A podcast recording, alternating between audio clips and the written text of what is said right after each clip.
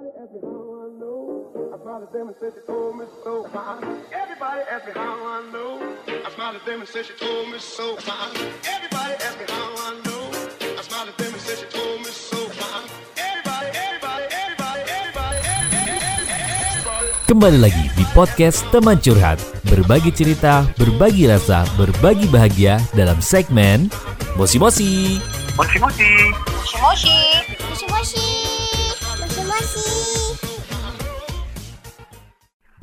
Maka kenapa kemarin itu timnas itu eh, apa namanya Tosida Sapri menggunakan ini juga Oke. untuk posisi main sepak bola ya, Eh, karena itu adalah salah satu eh, apa namanya kalau kalau boleh dibilang tuh kalau masakan itu tuh bumbu yang penting gitu loh Hmm, untuk kasih. Jadi selain garam, selain eh, ajinomoto atau Iya iya penyedap iya kita juga ada eh, apa namanya kalau masak tuh kan pasti harus bawang putih bawang merah gitu. Ya kalau ini bisa kombinasinya bagus selain skill dari pemain kita bisa kembangkan Mm-mm. kemudian eh, teknik bermain kita bisa kembangkan lebih mantap lagi kalau bisa belajar tentang golongan darah gitu Oke. kekuatan dan golongan darah. Jadi ini kayak botol ketemu tutupnya. Nah kalau ini dipahami pelatih maka pelatih tuh nggak akan capek bang.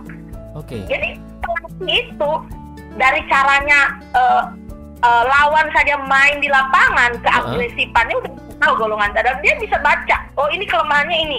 Jadi nanti waktu dia main di lapangan dia sudah tahu apakah dia lawan ini tipe menyerang atau tipe bertahan Heeh. gitu. Atau tipe sedang antara bertahan dan dia itu bisa dibaca dari situ gitu loh. Karena dia udah tahu nih. Eh, karena walaupun misalnya pelatih nyuruh kita nih ya Hmm. kamu nanti sistem tapi kalau misalnya yang dia pasang golongan darah O semua nggak bisa. Ya kan karena secara alami. Ya karena kami pernah coba nih di Jepara nih ya beberapa pelatih Oke. coba ya. Semua pemain 12 itu O semua. Nggak ada yang jaga kandang. Semua Ya, sibuk kalau semua- menyerang. Hah? Semua sibuk menyerang akhirnya. Sibuk menyerang gitu. Karena antena listrik mereka itu kalau kita di dalam kan satu kelompok, pokoknya kapan-kapan nah kita bikin seminar ya buat guru-guru ya. Itu tuh ketika mereka disuruh bikin suatu kelompok nih ya, misalnya Hmm. golongan darah A, O, B, instruksinya sama nih bang. Oke Suruh ngangkat air, ngangkat air ya, ngangkat. Itu kalau yang oh ngangkat air nggak mau tahu dia langsung angkat aja. Yang penting airnya pindah. Gitu.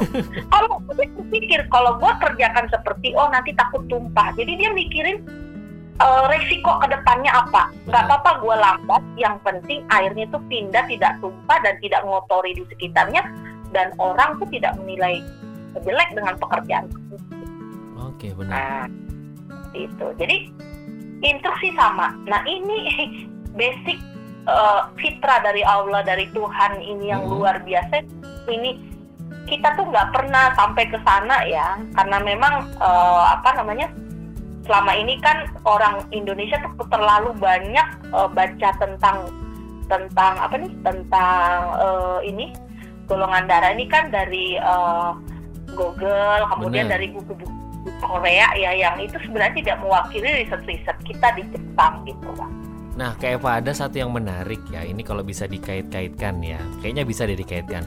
Kan sebenarnya kita bisa membaca diri kita ataupun pasangan kita, anak kita dari DNA golongan darahnya gitu. Nah, juga banyak yang anak-anak muda yang suka membaca zodiak gitu. Eh, lu bintangnya apa? Taurus. Ah, memang Taurus tuh gini orangnya. Kalau apa Sagittarius gini. Nah, sebenarnya itu eh, bisa gak sih dikaitkan dan mereka-mereka yang menciptakan zodiak itu apakah memang juga mengambil dari eh, dasar-dasar ilmu DNA golongan darah itu sendiri.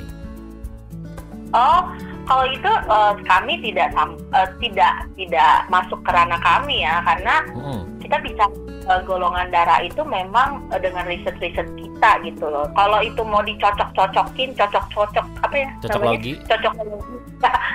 ya silakan aja gitu Silakan ya. aja itu ya. kan terserah, terserah terserah masyarakat ya. Tetapi kalau kita bicara tentang golongan darah, kita bisa menjelaskan itu secara sains, secara riset gitu ya Oke. bahwa ini adalah ilmu yang betul-betul ah, ah, apa namanya? Eh, memang ini dah konstruksi di dalam tubuh di dalam darah kita gitu. Kalau eh, zodiak kan saya nggak tahu ya mereka tuh sesuai dengan penelitian atau tidak gitu. Benar, benar, Nah, benar. kita nggak bisa kalau mau dicocok-cocokin ya silakan-silakan Silakan aja aja gitu. ya. tapi kan apakah mereka itu punya riset seperti kita gitu kan? Kalau kita kan eh, 50 tahun lembaga ABO 30 tahun sebelumnya juga pun sudah diteliti gitu jadi ini sekitar 80 tahun gitu Oke deh. Nah, masih bicara soal eh, karakteristik gitu. Seandainya banyak di luar sana orang tua yang mulai tersadarkan, guru-guru yang mulai tersadarkan bahwa penting untuk mempelajari tentang eh, DNA tadi ini ya, eh, golongan darah ataupun golongan tubuh tadi ini demi pertama untuk menunjang anak-anak didik supaya lebih kita sebagai guru bisa lebih tahu nih anak didik saya yang ini metodenya seperti ini, yang B seperti ini metodenya. Begitu juga di rumah orang tua terhadap anak, eh, suami terhadap istri ataupun sebaliknya. Nah, tapi kan kendala pertamanya pasti orang tua, masyarakat guru itu akan terkendala tidak tidak banyak ada yang memfasilitasi mungkin seminar-seminar seperti ini. Tidak banyak juga mungkin kita bisa dapatkan informasi ini hanya dengan googling. Kalaupun dengan googling itu pun tidak mendetail. Apa sih yang perlu masyarakat, orang tua atau guru setidaknya cukup tahu garis besarnya supaya ada rambu-rambu bagi guru, bagi orang tua dan ke depannya nanti akan mungkin lebih mendalami lagi dengan mengikuti seminar gitu. Apa sih yang sekedar yang sekiranya eh, sedikit dulu bisa diketahui oleh guru dan orang tua untuk tadi itu bisa akhirnya lebih mengenal anak, bisa lebih mengenal anak didiknya di sekolah gitu. Apakah cukup dengan googling saja mencari informasi ini atau kalau seminar kan terus terang pasti terbatas sekali dan eh, jarak waktunya antara tidak mungkin seminggu itu pasti ada tiga kali tidak mungkin. Mungkin sebulan sekali atau sebulan dua kali. Cukup nggak sih dengan googling saja? Misalnya mau ingin tahu gitu.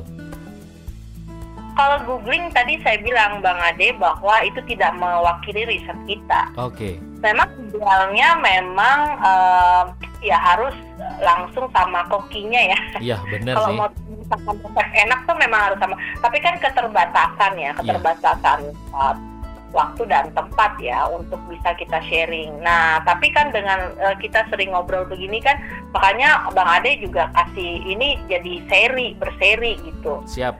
Berseri.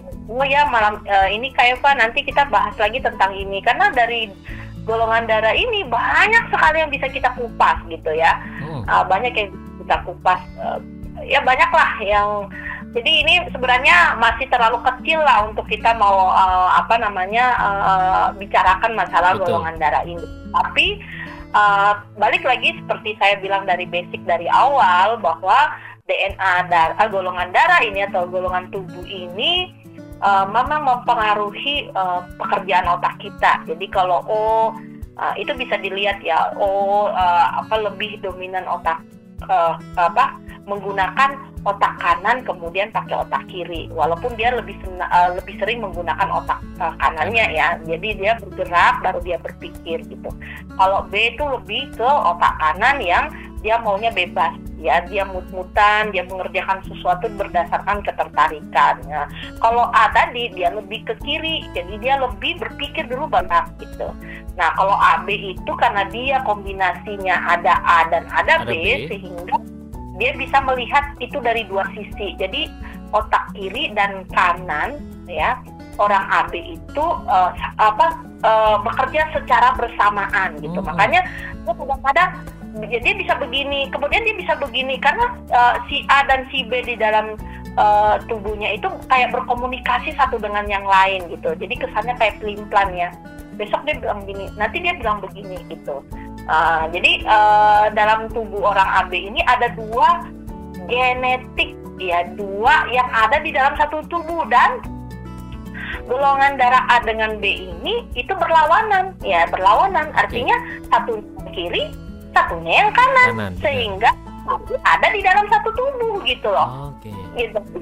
Ya jadi dia ya kadang-kadang itu tadi ya kadang dia juga bingung kenapa dia bisa begini gitu ya. Bisa bisa eh, apa namanya eh, bisa kema- eh, berubah-berubah begitu dia punya punya pemikiran seperti itu ya. Ya karena itu tadi itu adalah sesuatu yang alami dalam dirinya. Nah tinggal lagi si orang yang bersama makanya saya bilang dari awal kita harus kenali diri kita dulu mekanisme kerja dari tubuh kita caranya kita memberikan apa mem- me- melihat kemampuan-kemampuan dalam diri kita gitu kan nah golongan darah ini salah satu hal yang sangat sederhana. Jadi kayak Bang Ade nih, baru dengerin aja saya nih berapa kali nggak nggak perlu saya tulis-tulis di dinding ya. Begini dan begono, begono dan begono, begono dan begono harus diginiin harus begini. Bang Ade udah udah nangkep gitu. Iya. Kenapa? Karena ini bicara tentang diri kita sendiri, tubuh kita yang itu alami gitu. Jadi Bener. secara fitrah saja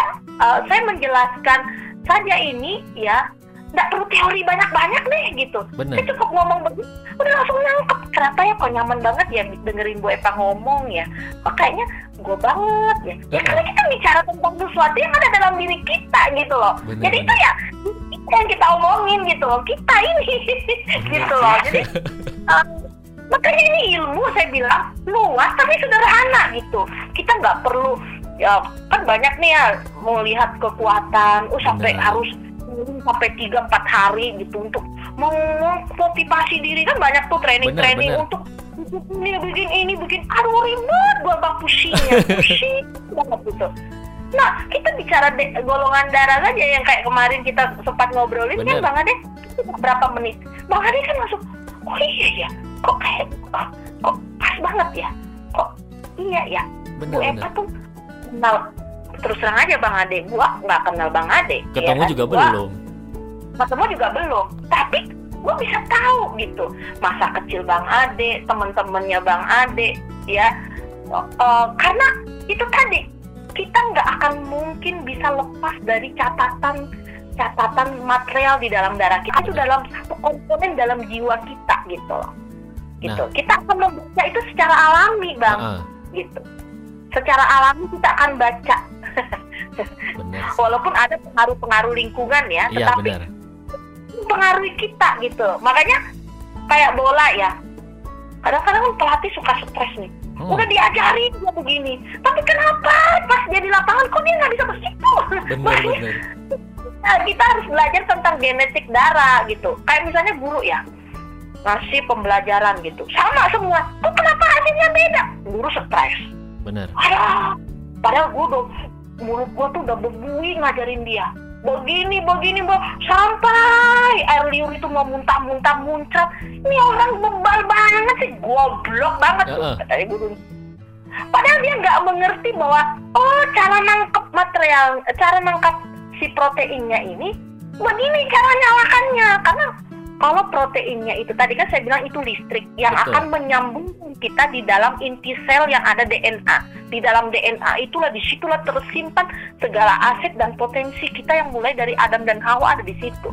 Lah kalau misalnya listriknya kita nggak nyalain, terus gimana DNA-nya mau terbuka? Bener bener.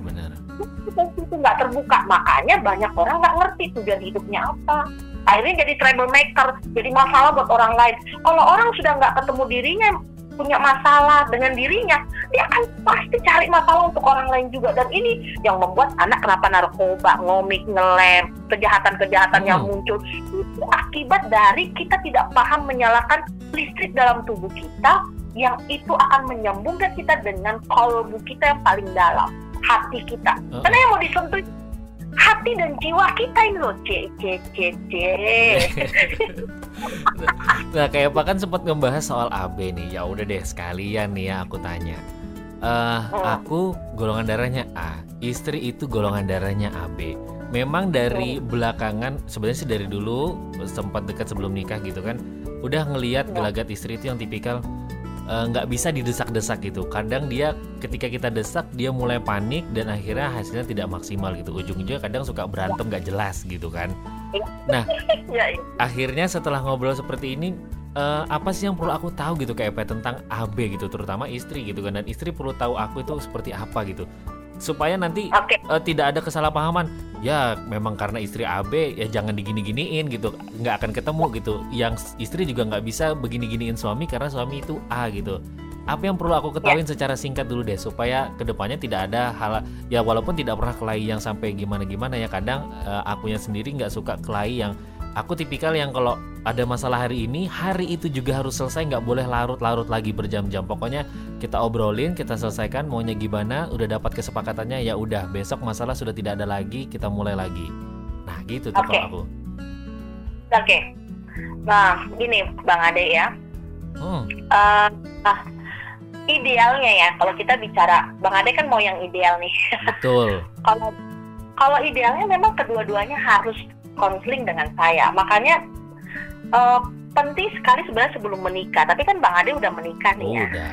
Sebelum menikah sebenarnya kita perlu pemahaman DNA golongan darah ini supaya kita tidak menghabiskan energi yang percuma gitu loh menuntut pasangan kita sementara pasangan kita juga tidak memahami gitu Benar, apa yang kita benar. tuntut karena apa dia tidak tidak nyambung dengan chemistry dari DNA eh, nyala listriknya tadi itu Hmm. gitu jadi kekurang gitu loh kurang connect nah ini kan perlu Betul. dengan pemahaman supaya trans supaya sama-sama mengerti nih oh si A B paham si A karena kalau dilihat dari cycle cycle dari darah tadi ya Oh. golongan darah itu memang sudah alami ya bahwa kalau golongan darah AB itu karena dia ada A dan ada B dalam darahnya dia bisa membaca pikiran A Oke. gitu. Dia bisa membaca AB bisa membaca pikiran A, tetapi orang A karena dia tidak punya B di dalam darahnya, dia tidak bisa membaca AB. Itu yang Oke, bikin oke. Bang pusing gitu loh. Heeh. Bikin Bang Ade itu pusing gitu. Aduh gimana sih istriku karena dia kan berubah-berubah ya. Tapi dia si istri abang tuh dia bisa membaca eh, apa keinginan dan pikirannya abang gitu si Benar. eh, A. Benar. Jadi AB jadi A gitu. Nah ini kan perlu diberikan pemahaman sebenarnya sebelum terjadi pernikahan ya. Gimana sih supaya chemistry ini bisa dapet gitu. Jadi kita tuh nggak perlu membuang energi yang nggak penting dalam rumah tangga dan itu berakibat dari eh, hilangnya rezeki gitu, kesehatan kita terganggu, Betul. kita mulai thinking padahal dia tidak memikirkan itu kan rugi besar. Kemudian kalau itu kan menumpuk menumpuk dalam sel memori kita yang akhirnya ketika kita punya anak itu terekam di dalam kehamilan kita dan itu kan berefek kepada anak-anak kita gitu. Jadi Oke. itu semua tuh dari seperti itu, Bang Mm, mm, mm. mulai dari awal ya sama-sama kayak material yang mau kita eh, cocokkan nih mau untuk eh, apa kayak bibit ya. Benar. Kalau misalnya itu nggak tepat gitu kan, bukan berarti abang tidak bisa menikah dengan dengan istri, bukan. Kita di sini tidak bisa bilang bahwa kamu cocoknya dengan ini dan ini tidak, tetapi kita bisa kemungkinan nanti itu akan terjadi seperti ini karena ini adalah sesuatu yang alami. Itu tidak dilihat waktu pacaran gitu. Oke. karena kita tuh ngeliatnya yang baik-baik semua. Kalau bisa ya kita jatuh aja tersandung aja. Aduh deh eh, apa? Hati-hati ya sayangnya Iya, gitu kan. iya. kalau kita kita nikah matamu taruh di mana gitu. Kita memang secara alami ketika kita pacaran tuh kalau bisa kita tutupi semua yang yang apa namanya yang yang jelek-jelek supaya eh, ah, ah, nanti kalau udah menikah wah wes yang ngoroknya lah yang posisi tidurnya bogono bogono bogono udah kelihatan semua di situ ya kan. Nah gitu. Nah ini yang akan menimbulkan pertengkaran, kemudian lama-lama lama-lama merembet ke yang lain, akhirnya bisa terjadi perceraian. Saya konselingin juga orang mau bercerai tuh hampir semua gara-gara masalahnya dari awal dari de- apa perbedaan eh, apa namanya persepsi dari eh, salah satunya adalah golongan darah ini Golongan darah. Oh. dan itu mempengaruhi pengaruhi nanti anak-anaknya karena kan ketika kita sudah menyimpan kemarahan itu kan akan tersimpan dalam sel memori kita Oh, oh. kan kita bawa kita transfer lagi kepada gen anak-anak kita ke bawah gitu sehingga itu akan menjadi momok yang akan membuat anak-anak kita gak apa eh, punya apa perasaan yang tidak tidak merdeka ya karena di dalam jiwanya itu kita udah menyimpan kasih dia informasi-informasi yang negatif gitu. Jadi itu siklusnya begitu terus bang. Oke. Nah, eh, berarti ke depannya aku bakalan bikin jadwal nih ya sama kayak Eva untuk bisa konseling nanti video call dengan istri aja nih ya. Boleh boleh. Saya senang banget. Boleh Ya boleh. karena karena apa bang Ade? Saya mikirin anak bang Ade gitu. Karena kalau ini bisa transnya bagus ya resepsi kita oke kan kita ini kan ingin membangun sebuah rumah Betul. ya kan rumah tangga dan itu ah, kita kan mentransfer jadi perasaan Bang Ade, perasaan istri itu akan tertransfer dalam jiwa, di dalam sel memori anak-anak kita. Yang akan dia bawa sampai turunan-turunan ke bawah. Jadi anak itu juga kita sudah bertemu dengan cicit, cecet, cecet kita, walaupun mereka belum ada gitu. Karena akan dibawa terus itu. Jadi kalau salah di dalam diri anak kita, tentu dia akan membawa kesalahan itu pada cucu, pada cicit, pada cecet, pada ini dan Hmm. ono dan Nah, ini kan semua bisa kita matikan informasi yang negatif yang kita bawa dari dari kedua orang tua kita maupun nenek moyang kita. Betul, Ketika kita paham bahwa kita bisa membenahi diri kita dari diri kita dulu nih, kenal diri kita, kita punya rasa syukur yang dalam, kita mengerti pasangan kita, pasangan kita juga seperti itu, ada kebahagiaan yang muncul sehingga sel-sel kita tuh bergembira. Ini Profesor Masaru Emoto dari Jepang bilang nih, Heeh. bahwa air dalam tubuh kita itu merespon pikiran. Ketika kita berkata yang positif, maka air itu seperti kristalnya. Tubuh kita juga akan gitu loh. Jadi perkataan cinta, rasa syukur, kasih sayang, gift, ya, ra- apa merasa merasa eh, bahwa eh, apa kehidupan kita ini ada yang eh, ada yang harus kita bantu ya eh, kita doakan orang lain yang mungkin jauh dari kita itu tubuh kita itu merespon sangat positif dan itu akan bikin kita umur panjang kita punya kebijaksanaan yang luar biasa dan tentunya ketika kita mempunyai pikiran positif maka sinyal listrik yang ada di sekitar kita khususnya alam semesta ini akan mengantarkan juga sinyal positif itu kepada kita jadi dia akan balik lagi kepada kita makanya pikiran yang kita lempar ke semesta Mhm. seperti apa dia kembali ke kita seperti itu Oke deh.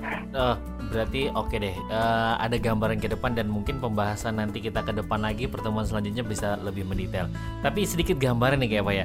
Kayaknya setelah obrolan ini saya mulai mencoba menerka-nerka golongan darah anak yang pertama dan yang kedua. Walaupun saya belum tahu nih golongan darah anak yang pertama dan yang kedua. Tapi kayaknya ke depan akan saya bawa ke PMI untuk dicek eh, golongan darahnya. Tapi sedikit gambaran kalau si kakak itu mungkin kayaknya lebih ke A ya karena kakak si kakak itu ketika main dia maunya teratur dan dia tahu ketika ada mainannya yang hilang dia lebih sensitif dia lebih perasa banget beda dengan si adiknya itu yang kalau kita bahasakan bahasa Inggris itu yang rebel banget gitu walaupun sama-sama cewek ini yang adik ini udah ya kakak nih ganggu-ganggu pukul nih. Pokoknya udah main ngambur dia udah pokoknya actionnya itu udah lebih pertama dibanding kakaknya. Kalau kakaknya itu lebih perasa lebih lembut sensitif gitu. Dia suka yang teratur. Ketika keteraturan itu dihambur oleh adiknya si kakak marah ngambek. Si adiknya ya cuek-cuek aja gitu lala aja dia berlalu gitu. Oke, Bang, eh, ki- kita juga perlu tahu bahwa komponen di dalam eh, tubuh kita ini Hmm. ya yang mempengaruhi eh, karakter seseorang itu ada tiga oke ya. Pertama adalah DNA. Mm-mm. DNA itu adalah memori buku kehidupan yang ada di dalam inti sel yang itu kita baca yang itu ada di dalam inti sel kita dari ne- dari gambaran dari eh, nenek moyang kita mulai dari Adam dan Hawa ada di dalam DNA. oke Nah, DNA orang tua kita itu semua ada di dalam buku kehidupan yang namanya DNA atau gen. Mm-mm. Yang kedua itu adalah pengaruh lingkungan. Nah, pengaruh lingkungan ini sangat sangat penting di Oke. mana kehamilan itu muncul, ya, kehamilan itu muncul, apa yang mem- mempengaruhi lingkungan yang menyebabkan si ibu waktu mengandung perasaan apa yang keluar seperti itulah karakter anak. Itu satu. oke Ya, yang kedua, eh sorry, itu Ketiga. kedua lingkungan. Dan yang ketiga itu adalah golongan darah. Jadi bukan hanya kita bisa lihat dari golongan darah saja, tetapi juga dari pengaruh gen, Mm-mm. dari kedua orang tua dan nenek moyang dari atas yang dibaca, dan pengaruh lingkungan dari luar gitu. Nah, ketiga komponen inilah yang mempengaruhi karakteristik seseorang sehingga dia bisa seperti itu. Nah, saya bisa membaca sekalipun nanti abang jangan kaget kalau anak pertama misalnya dia B atau dia AB. Karena anak abang itu bisa A, B, AB, tapi tidak mungkin O oke ya. Karena karena ada istri abang yang AB nggak mungkin mengeluarkan O gitu. Tapi ada kemungkinan A, ada kemungkinan B, ada kemungkinan AB. AB Ya. Nah, karena dia anak pertama tentu beda banget dengan kehamilan kedua. Lingkungan berbeda yang membuat eh, kenapa anak itu lebih lebih eh, teliti, lebih ini pertama ada gen dari bapaknya yang A, Mhm. dari ibunya juga B, ya. itu mempengaruhi di dalam dirinya dia. Nah, tetapi lingkungan lagi bang, Mm-mm. ya, Ap- emaknya kan waktu hamil kan, eh, karena anak pertama tentu agak lebih hati-hati ya. Betul. Nah, gitu. tidak ke mana-mana, dia lebih menjaga kehamilan, sehingga yang terjadi adalah kinestetik atau gerakan tubuhnya sinyalnya tidak aktif waktu itu. Oh. Jadi dia lebih hati. Kemudian kedua, dia tidak bis- tidak mendengarkan suara-suara yang berbeda sehingga ketika ada lingkungan yang baru yang dia mau masuki, anak abang itu pasti minta pulang. Dia nggak suka terlalu ribut gitu. Karena waktu hamil ibunya tidak menyalakan auditoringnya gitu. Oh, oh, oh, oh. Terus visualnya juga, yang dia visualnya itu dia cuma nyaman ada di rumah karena waktu itu emaknya cuma cuma di rumah waktu hamil. Jadi hmm, selain dari golongan darah juga yang kita lihat, kita juga bisa membaca itu dari lingkungan. Nah beda dengan kehamilan waktu anak kedua. Kehamilan anak kedua, ya. Jadi abang jangan kaget loh. Kok anak kedua saya A, Bu Eva? Padahal kan dia lebih bergaya kayak kayak kayak B gitu, kayak AB gitu. Ah, ah. Kok bisa ya? Padahal dia A nih, misalnya yang yang, yang nomor dua nih. Nah kita lihat nih, emaknya waktu mengandung nih gimana gayanya, ya kan? Anak kedua kan kita biasanya udah lebih santai, Betul. lebih agresif, lebih karena udah punya pengalaman dari yang pertama. Nah itu yang mempengaruhi karakteristik dari anak tersebut gitu. Jadi selain dari dasar darah juga ada, kemudian eh, lingkungan dan gen gitu ya jadi gen ini juga eh, apakah kedua orang tuanya juga agresif gitu ya itu mempengaruhi dia juga dan apa yang dibuka waktu ibunya mengandung karena itu akan mempengaruhi eh, seperti apa anak ini nanti di luar jadi jangan sampai nanti salah mempersepsikan lu kata Bu Eva anak A loh misalnya contohnya anak pertama loh kok dia bukan A ya Bu ya dia B Uh-uh. kenapa bisa seperti A nah itu tadi yang saya jelaskan gitu Lingkungan. gen dari orang tuanya dia baca, kemudian lingkungan waktu hamil, lingkungan yang dibuka oleh ibunya di dalam gennya tadi itu seperti apa gitu loh. Nah, sudah saya jelaskan kan, Betul, kehamilan pertama dan kedua sangat berbeda tentunya. betul, betul. Bisa saja dua-duanya golongan darahnya sama, bisa saja. Bisa jadi ya. Bisa jadi gitu. Tapi terlihat nanti bagaimana anak ini mengekspresikan dirinya ya Uh-uh. uh, namanya ekspresifnya apakah ini pasif apakah ini ekspresif gitu karena itu tadi apakah orang tuanya waktu mengandung itu membuka semua potensi-potensi waktu hamil itu makanya kehamilan itu paling paling paling paling penting Oke. karena di situ kita bisa membuka aset anak-anak kita Oh, Oke, wah semakin seru deh. Nanti obrolan ke depan nanti kita akan membicarakan soal kehamilan, pentingnya menjaga mood. Karena ini banyak banget pranikah, kehamilan, gimana cerdas eh, EQ di atas 125 seperti orang Yahudi ya. Wah itu bisa ternyata karena Allah itu tidak pernah membeda-bedakan kita semua porsinya sama. Sama. Pertemuan sperma dengan sperma itu tidak dibeda-bedakan. Yang membuat beda adalah cara meracik bumbunya. Iya benar-benar. Oke deh kayaknya semakin seru dan eh, waktu juga udah semakin malam. Kak Eva nanti kita akan atur jadwal lagi ya Kak Eva ya. Kita buat obrolan lagi yang lebih seru dan lebih spesifik lagi dan nanti kita boleh atur jadwal deh untuk konseling saya uh, bersama istri dan anak-anak ya. Ya boleh boleh dengan senang hati.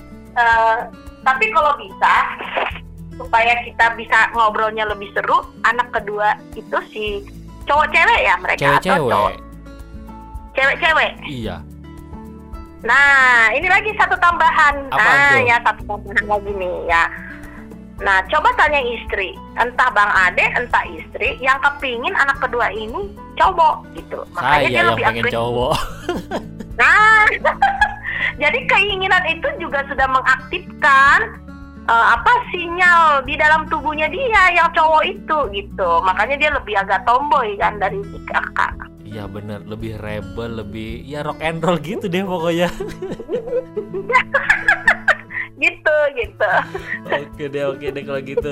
Kak Eva terima kasih udah ganggu waktunya malam-malam. Nanti kita atur jadwal lagi. Semoga ada jadwal kosongnya Kak Eva ya. Siap, siap. Thank you banget ya Bang Ade. Mudah-mudahan berkah. Nanti kalau ada yang mau tanya atau apa boleh eh, sharing sama saya. Siap kalau gitu. Terima kasih Kak Eva.